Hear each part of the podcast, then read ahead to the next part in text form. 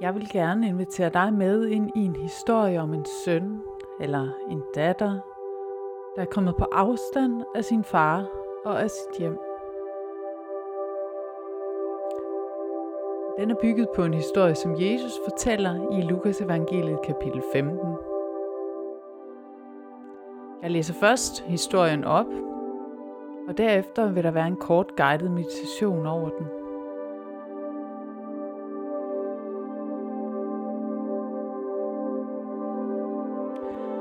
Der var engang en mand, der havde to sønner.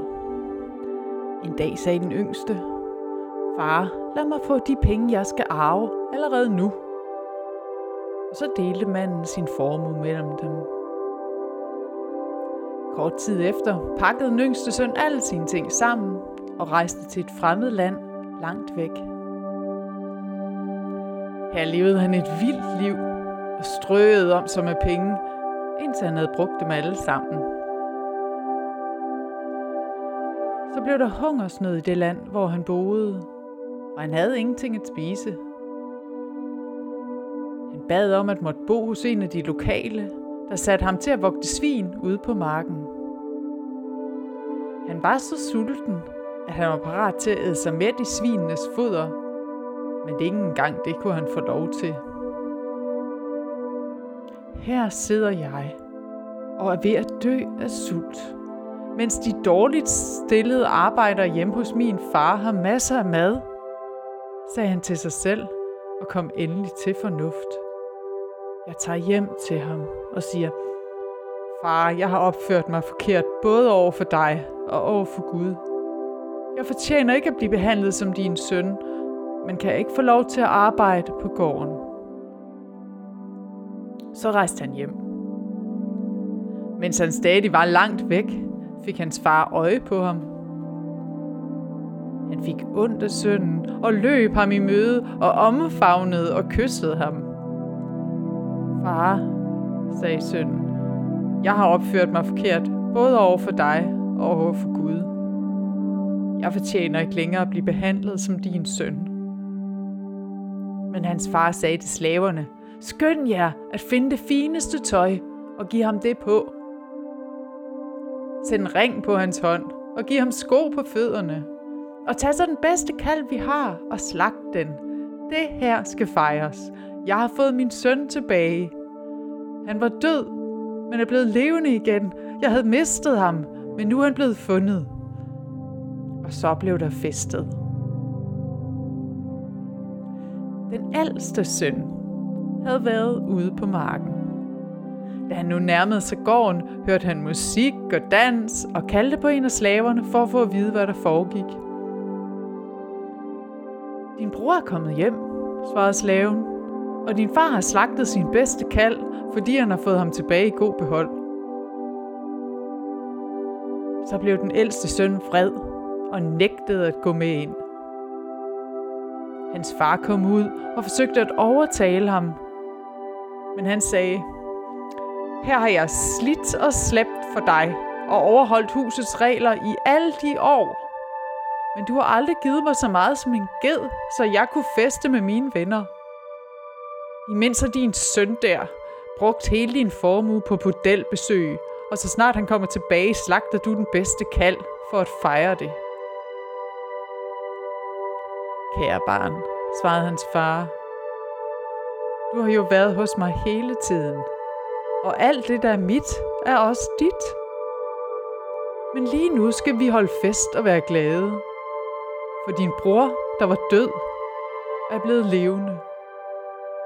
Jeg havde mistet ham, men nu er han blevet fundet.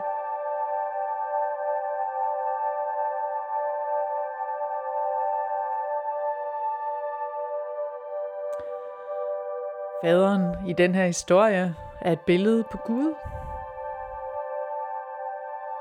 Og selvom vi kan opleve at måtte gå i os selv og vende hjem i vores mellemmenneskelige relationer, så skal du prøve at forestille dig, at hjem i den meditation er et liv, en nærhed med Gud. Måske kan du identificere dig med datteren eller sønnen, lillesøsteren, lillebroren, som er på vej hjem efter en lang rejse væk hjemmefra.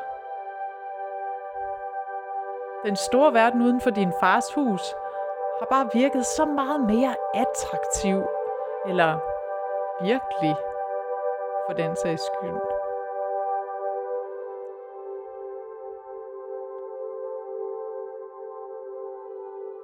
Måske har du derude et sted virkelig ramt panden mod muren.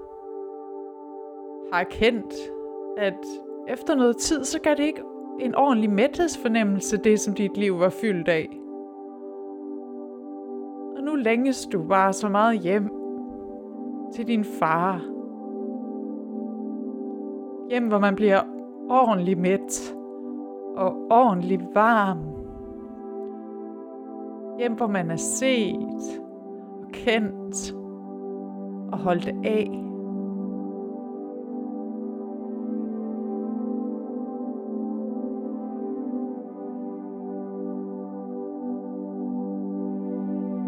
Forestil dig vandringen hjem. Du forbereder din undskyldning. Du har krænket din far på den aller værste måde. Du har kastet skidt på hans gode navn. Og aller værst, så har du ikke regnet hans kærlighed for noget. Du har tænkt dig at sige, jeg er ikke værd at kalde dit barn. Lad mig bare arbejde som en af dine ansatte. Bare jeg kan få lov til at være her omkring gården.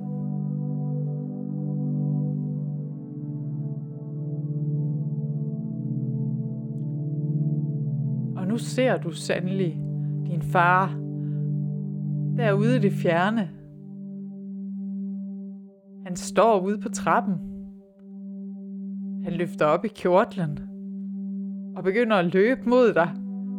Du kan genkende, at han halter lidt på sit venstre ben. Og før du får forklaret og undskyldt dig, har han omfavnet dig og kysset dig, selvom du er så beskidt og næsten ikke er til at kende. Han slynger sin kappe omkring dig for at dække dit beskidte tøj. Kysser dig igen råber, så det er helt pinligt. Tjener! Slag koen! Hej, alle sammen! Se, mit elskede barn, som har været væk, er kommet hjem.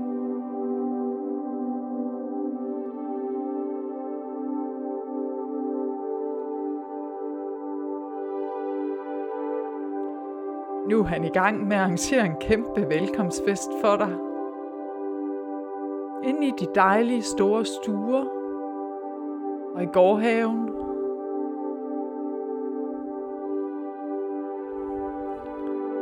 Hans kærlighed er helt urimelig. Helt ufortjent.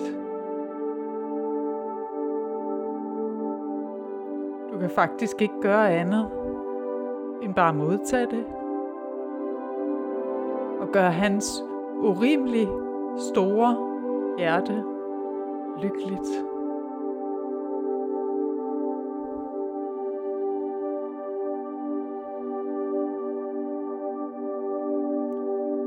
Og hvis du oplever, at det her billede er levende for dig, så tag imod den omfavnelse, den glæde, du bliver mødt med.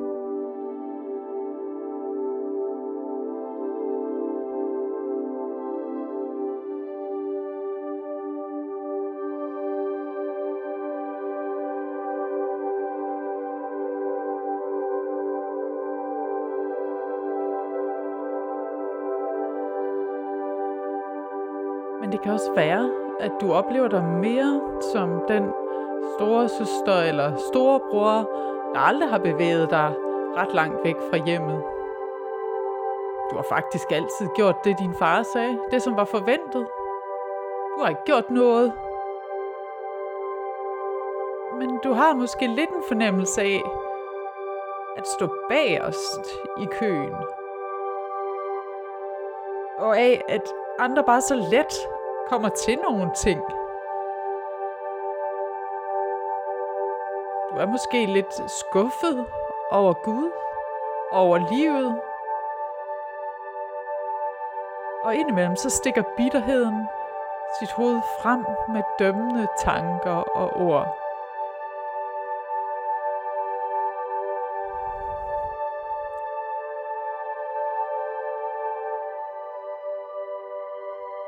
Nu har du så lige hørt fra en af folkene på gården, at din lillebror er vendt hjem, og jeres far er ude af sig selv af lykke. Han har sat himmel op i jord i bevægelse for at arrangere en kæmpe fest. Dit hjerte fryser. Hvad bilder han sig ind? Først ødelægge alting, volde sin far så meget sorg, og så bare kom anstigende. Det er hammerne urimeligt. Og din far, gør han ikke bare sig selv og hele familien til grin? Bare sådan at klemme det, som er sket. Bare at ofre det allerbedste på ham, som overhovedet ikke har fortjent det.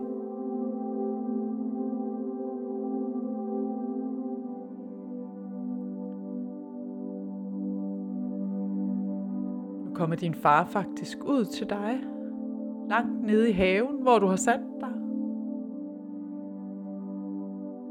Han har forladt hele selskabet for at finde dig. Vil du ikke med ind til festen?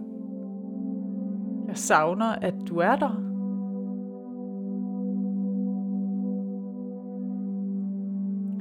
Dit hjerte er splittet. Du hader et eller andet sted din far. Den urimelighed, der er i hans godhed, i hans hjerte. Og du vil ønske, den galt dig. Far, hvorfor har du aldrig holdt sådan en fest for mig? Hvorfor elsker du min lillebror mere end mig?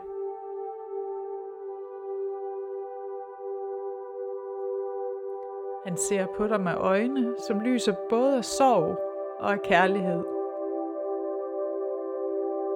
Mit elskede barn, du har helt misforstået det. Jeg elsker dig nøjagtigt lige så højt som din bror. Jeg har dækket bord og lavet den lækreste mad for dig hver dag. Men du har tit trukket dig og har haft alt for travlt med dit eget. Alt, hvad jeg har, er også dit. Ved du ikke det? Kom nu med indenfor.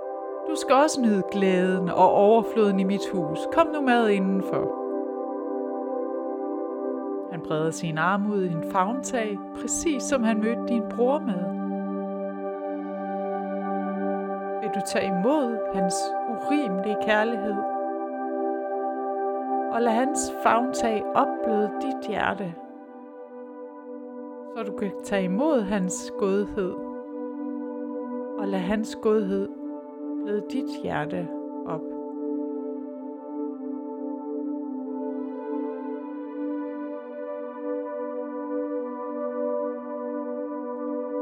Sid bare et øjeblik og se scenen for dig. Din far. Festmåltidet. Invitationen til at være med.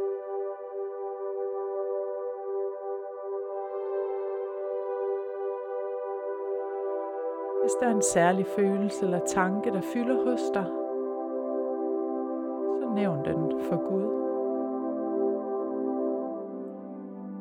Ellers nyd bare at sidde her et par minutter i Guds nærhed.